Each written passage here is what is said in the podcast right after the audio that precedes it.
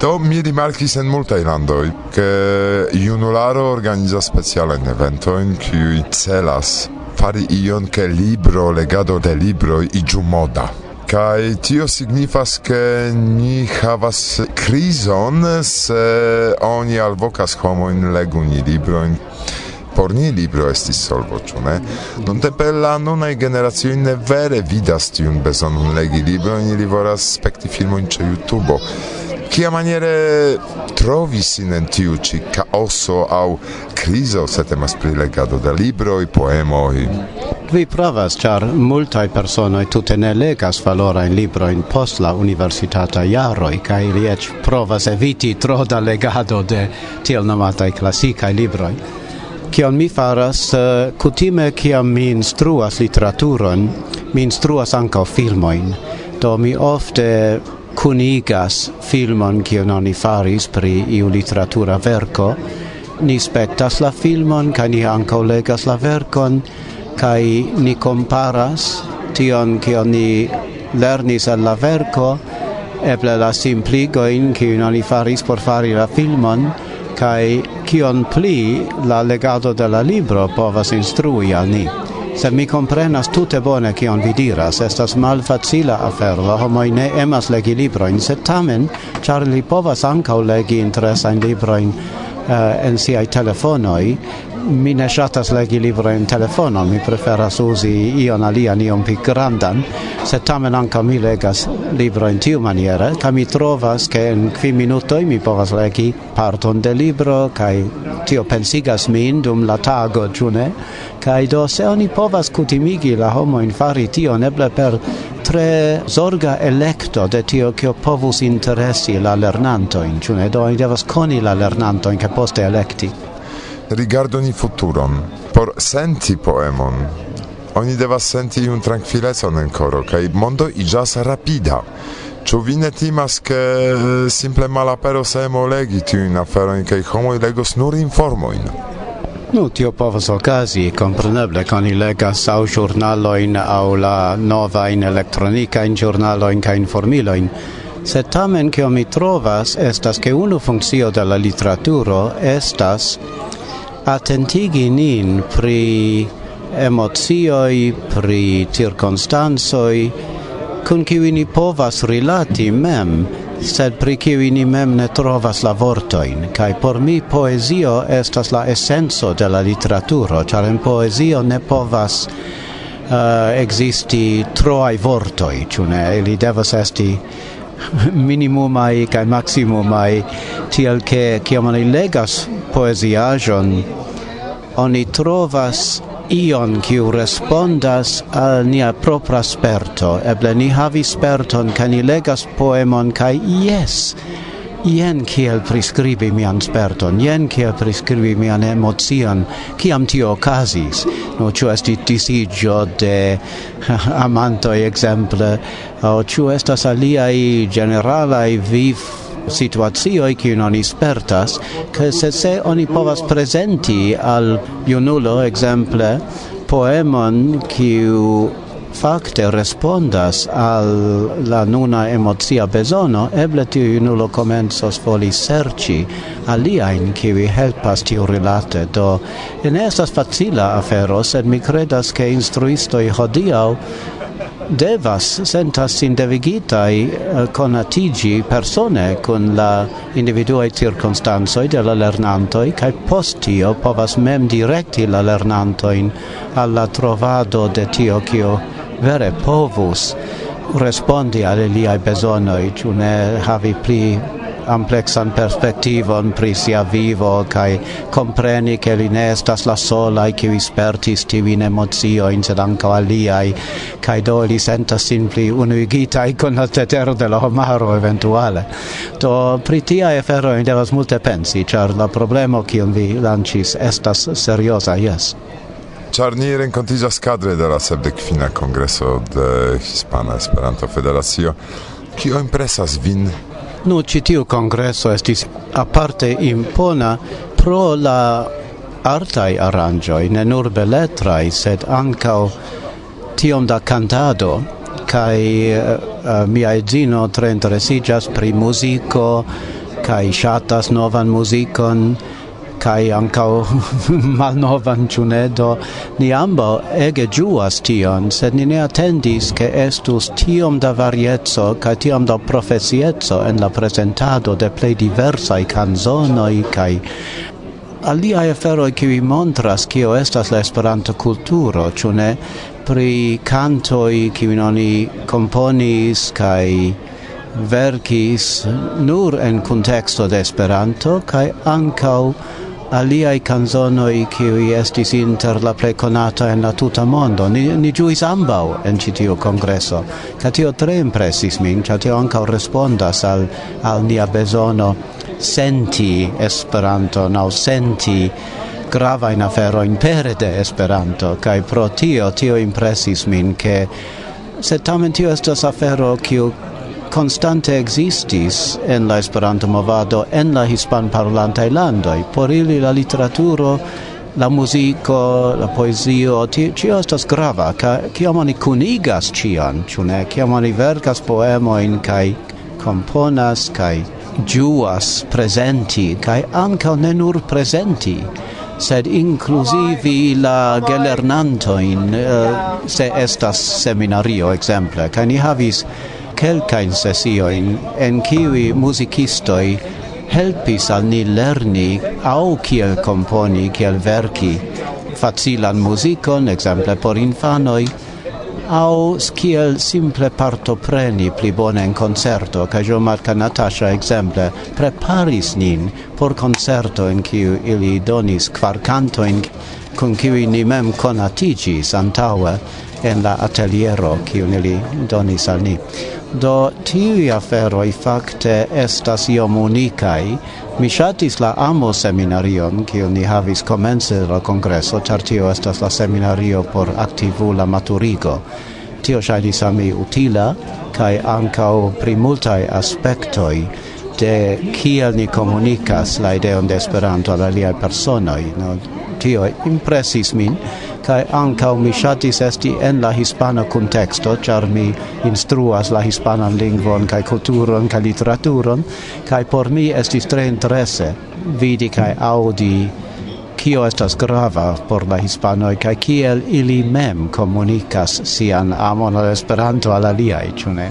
Don, al vi mi havos ancora u kelkajn demandoj de kie vi lernis tiel perfekte Esperanton kai kion vi prezentis dum amo seminario kai ankaŭ vi rilatas al NASK, sed tio estos en alia intervjuoj do kadre de la sepdekfina Hispana Esperanto Kongreso parolis al vi el provizora studio IREK? Kai dankon chatos, kai koran dankon al vi Irek pro tio eh, okazo ke ni povis iomete paroli kun la publiko pri tiu demando e kiuj tre interesas min kiel ankaŭ vin varso via vento, bla bla bla.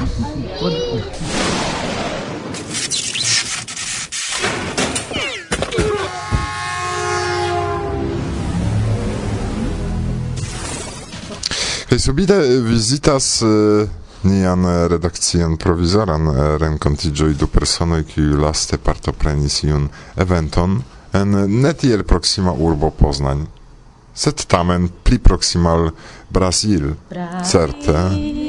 Brazil. Ankaŭ en Brazilo estas ŝafetoj, kiuj kuras sur ŝiaj kopetkoj, iliaj kopetkoj. to vi povas iomete prezentiĝi de kie vi estas. Bone, do mi estas Eida el Brasilia, ce furbo de Brazilo, kai partoprenas la studoin en Poznano. Palmoi tie kreskas? Jes, palmoi tie kreskas. Kokosai? Kokosai, kai ne kokosai, sed cefe kokosai. Kokosai, kai mal kokosai palmoi, sed cefe kokosai, crescas en Brasilia. Kai estas shaine urbo, kiu aspektas kiel birdo kiel birdo, kiel papilio, kiel uh, aviadilo, uh, oni diras... Kosma shipo. Povas esti, yes. Danka, ĉu vi estis en Brazilio? Ne, sed Eida rakontis al mi ĝuste pri plano, sur kiu estas konstruita la urbo, kaj mi vere tre aprezis tiun ideon. Kaj Poznań similas al Brasilia? Tute ne. Kial, ĉar mankas kokosaj kaj malkokosaj palmoj?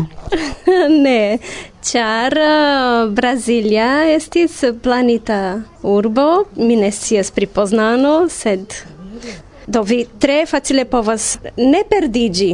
Do, ki, rekoni la lokon kie vi estas, ĉar estas kartezia plano kaj mm. Eh, do estas du linioj kaj en la mezo estas tiu nulo nulo kaj vi orientiĝas laŭ nordo, sudo, oriento, okcidento por mi kiu ĉiam perdiĝas ĉie. Ah, mhm.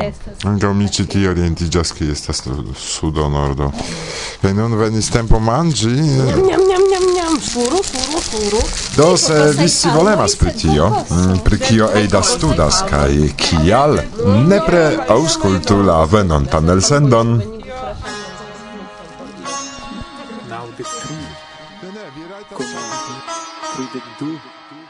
From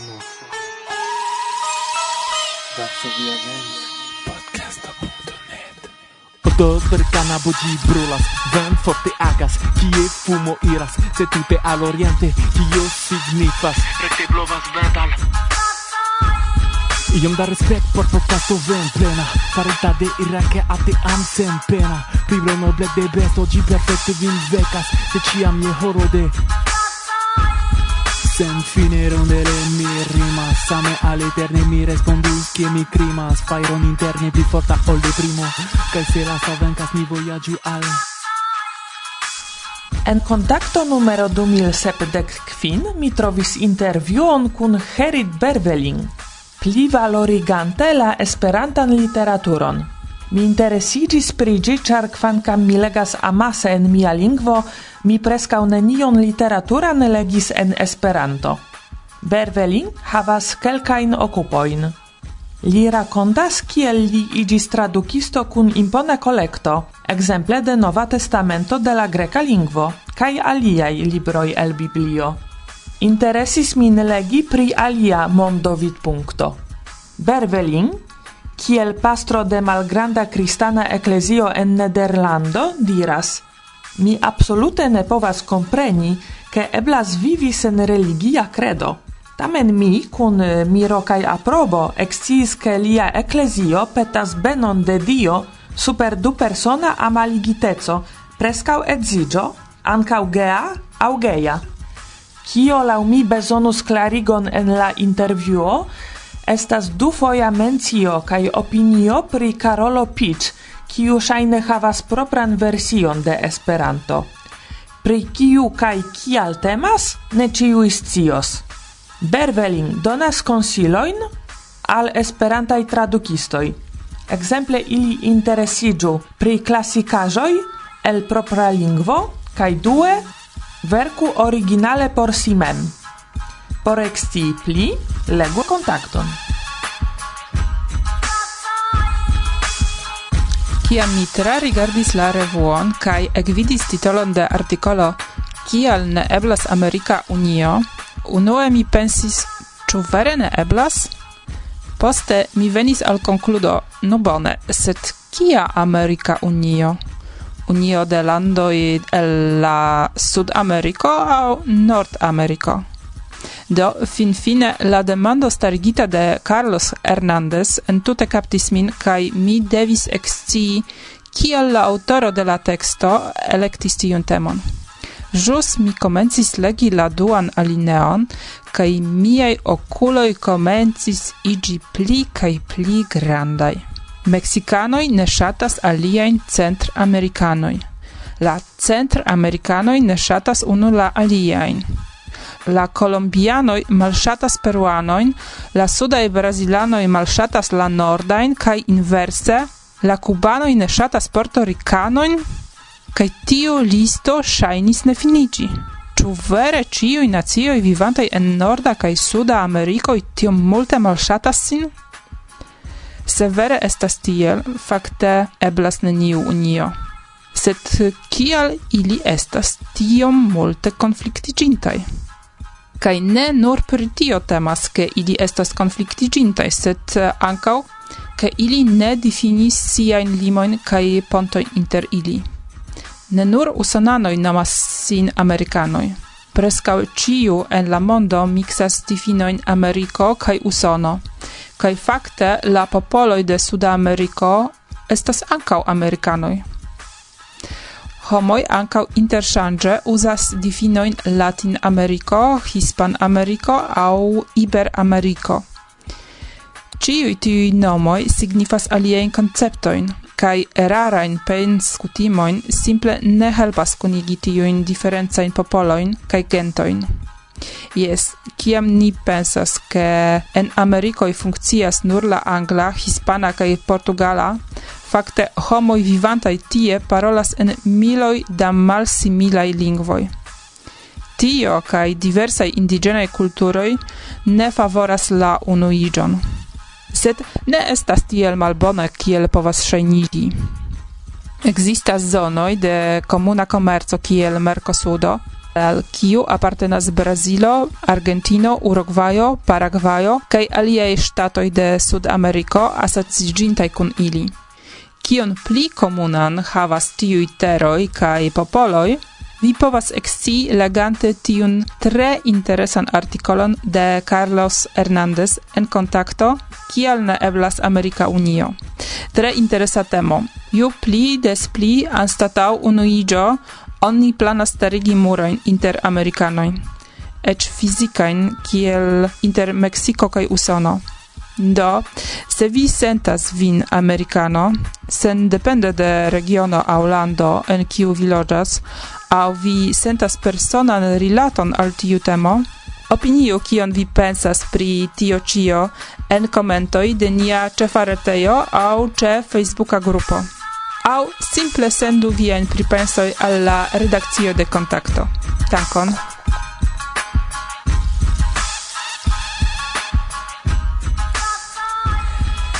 Saluton! Novan numeron de contacto mi eklegis kun granda intereso, ĉar ekde infaneco mi interesiĝis pri filozofio kaj religio. Kaj tio, kion mi trovis ene de la nova numero, forte kaptis mian atenton. Specife, unu el artikoloj. Kio anstatau la religioin? Skribita de Hiram Crespo el Usono. Ĝi vaste pritraktas epikuranismon. Oni bezonas metodoin por kontraŭbatali siajn ekzistencajn defiojn, oni devas havi ilaron por bone vivi, kiel lerni ne timi la morton, kiel esti morala, kiel elekti kaj eviti inter multaj eblaj oportunoj kaj eblaj danĝeroj. Kaj tiu ilaro estis la filozofio, precize en la artikolo de Hiram, filozofio de Epikuro de Samoso. Fakte filozofio neniam estas facila temo, kaj du paĝoj de vere interesa mencio pri epikuranismo, laŭ mi estas tro malmulte por ĝin ekkompreni. Sed ĉiuj de vi povos krome legi ankaŭ esperantigitan version de la libro La Epitomo, Epikura skribaĵo. Ne eblas koncize pritrakti temon.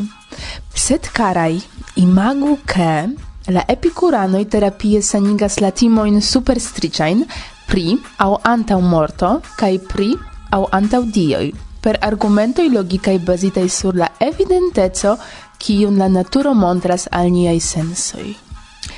Homoi, la felicio cae natur studado ne estas misteroi neatingeblai.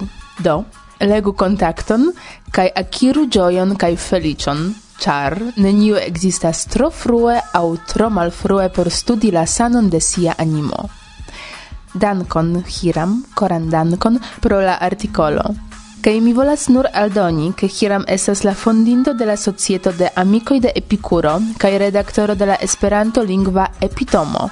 Do, li certe scias pri kio li skribis. Dankon.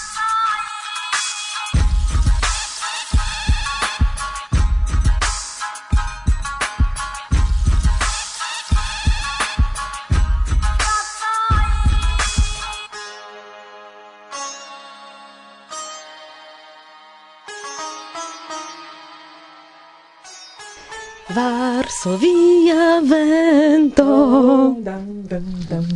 Dinghi dinghi dinghi dinghi ding ding ding ding ding bla bla bla bla bla bla bla bla bla bla bla bla bla bla bla bla bla bla Antau ol mi prezentos legendojn pri Varsovio, mi havas demandon.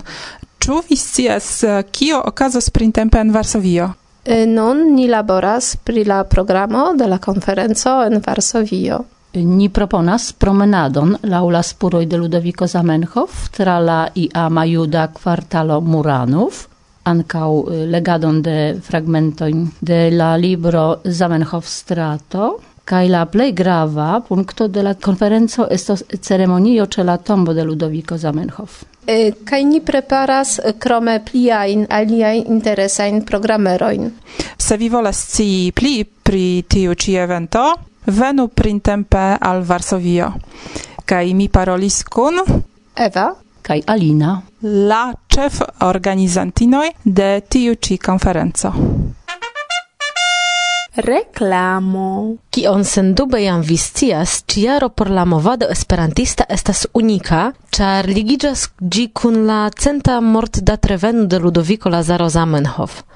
Tial, char la maestro vivis, laboris, creis Esperanton kaj ripozas por eterne en Varsovio, printempe inter la dudek oka kaj trideka de aprilo, ni invitas vin en nian urbon solene danki al kreinto de nia lingvo internacia, pro lia penado dank al kiu ciui ni nun povas intercomprenigi. La evento organizata estas sub auspicioj de UNESCO kun partopreno de eminentaj gastoj. Alidu do ancau vi al nia te amo, cune danki alla maestro ce la monumento tombo, cae partopreni zorge preparatan por tiu ci ocaso programon.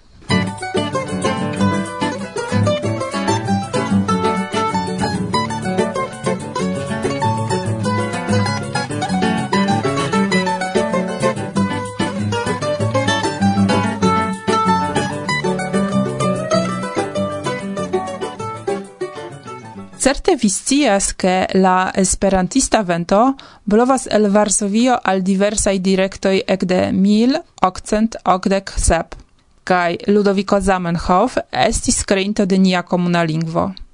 Sed kion vi scias pli pri tio? Pri la tempo kiam vivis li? Pri la lokoj en kiuj li agis? pri aliei gravaj kaj kuraĝaj homoj, kiuj klopodis disvastigi Esperanton pri la momentoi tiam gravai. Kaj kiel aspektis tiu tempa realeco, la ordinara vivo, antaŭ kaj post naskiĝo de Esperanto? Hodiaŭ restos ni plu en Varsovio, tamen ni revenos en la tempo malantaŭen. Ĉu ion vi scias de kie venas la nomo Varsovio? Probable ne multe. En la pola ni diras compreneble Warszawa, ne Varsovio. En la angla oni prononcas Warsaw. Do, se vi rigardus la nomon kiel kun metaĵo Warsaw, tiam eble vi constatos la urbo kiu vidis militon. Kai jes, Varsovio multajn militojn vidis post la lasta, la dua, el belega plena de palacoi urbo restis deserto de bricoi. Sed ne pritio mi volis paroli. Existas kelkaj teorioj pri deveno de la nomo. Estas ankaŭ legendoj.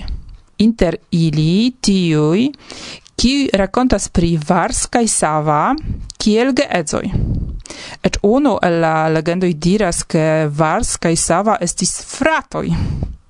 Kai tiui, kiui Varson presentas kiel fishisto, kiu captis sirenon. Tamen en ciui aperas tiui du gravai nomoi. Vars kai Sava. El kiui creigis la nomo Varsava. Do, mi shatus raconti al vi la plei popularan kai shatatan. Iam, multe da jaroin antaue, aput rivero Viswa, Vistulo, estis malgranda kai misera dometo, en kiu vivis fiŝisto Vars kun sia edzino Sava. Ion foion, al proxima arbaro venis czas intence princo Siemomysł kun assistantaro. Dum la chasado się momes perdigis, igis mallume, crome mal aperis ie la camaradoi. Subite, en la arbara mallumo ekvidis li etan lumon. Sekvis li tiu directe. Kaj jen, antaŭ li aperis dometo de Vars kaj Sava. Tiuj tute ne orientigis, kiu venis en ilian modestan hejmon sed laŭ la kutimo kiu diras gasto heime signifas dion heime, ili traktis lin el la tuta coro castigante la princon. Li mangis do, cae sad dormis secure cae comforte. Matene, vidinte miseron de la geedzoi, tre dankema pro sen condiciga gastigado, decidis li oferi la circaua interoin al ili. Tion, kie nun trovigas la urbo. Tiel diras legendo. Alia, anca ŝatata legendo, diras, che Vars fiŝkaptante captis en la reton sirenon. Si ploris, petegis, lasu min libera, cae ciam kiam vi trovos vin en dangero, mi venos helpi. Vars liberigis sirenon, ne vere credinte la promesoin. Post certa tempo aperis en la circauajo rabistoi, kiuj malkovris malgrandan domon de Varskai Sava ce la bordo de la rivero. Rabistoi decidis murdigi ilin, kai compreninte la intenzon Vars comencis laute crii, kai tiam subite en la rivero aperis sireno kun glavo kai shildo, Compreneble, kion vi supozas, rabistoj forculis la sinte ŝnuritajn gezoin. Tiam Vars decidis fari blazonon, kiu memorigos la fakton. Vidu do blazonon de Varsovio. Kion vi vidas? Tamen, ĉu vere kredi al la legendoj? La unuaj mencioj, kiel verŝajne estis, diras, ke la nomo de la nuna ĉefurbo venas el la nomo Varš, el familio Ravic, al kiu en la dectria iarcento appartenis lateroj. En tiu tempo pri lateroj de Varš oni diris la Varšova tero, kio post jaroj shangigis al Varŝava. Ne pensu tamen, ke pli frue la Varŝova tero estis nur arbaro. En la dectua iarcento estis conata setlejo Jazdów. Nun tie trovigas la botanika giardeno. De tiu nomo venas nomo de la strato Aleje Ujazdowskie.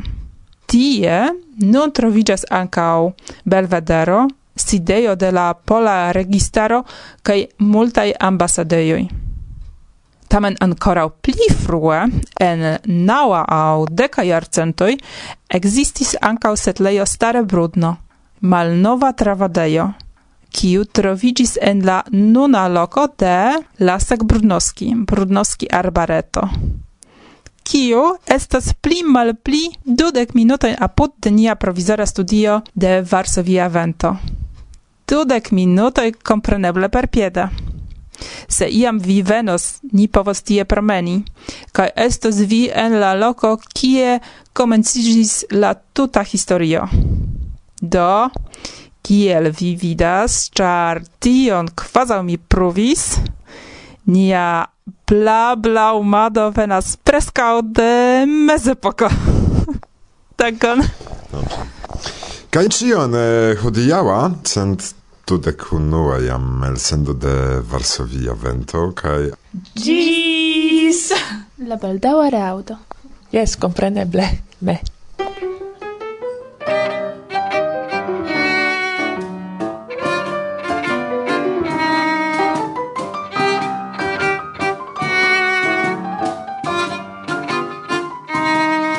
Li estas viro charmas li kai šivirino junaši, li amas ŝin, ŝi amas lin, ambaŭ silentes kun admir, domaĝas li, chagrena ŝi, giula la tempon de magi.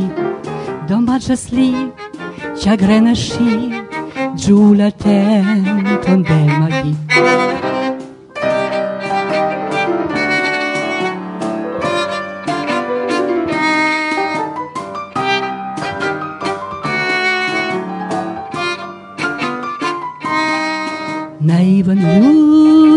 amoras li, amoras en la fantasi, kaj ŝi flirtumas kun pasi, la saman ludon sekvas ŝi, la paŝo for, paŝo malfor, en pensoj tango de l'amor, la paŝo for, paŝo malfor, en pensoj tango de l'amor.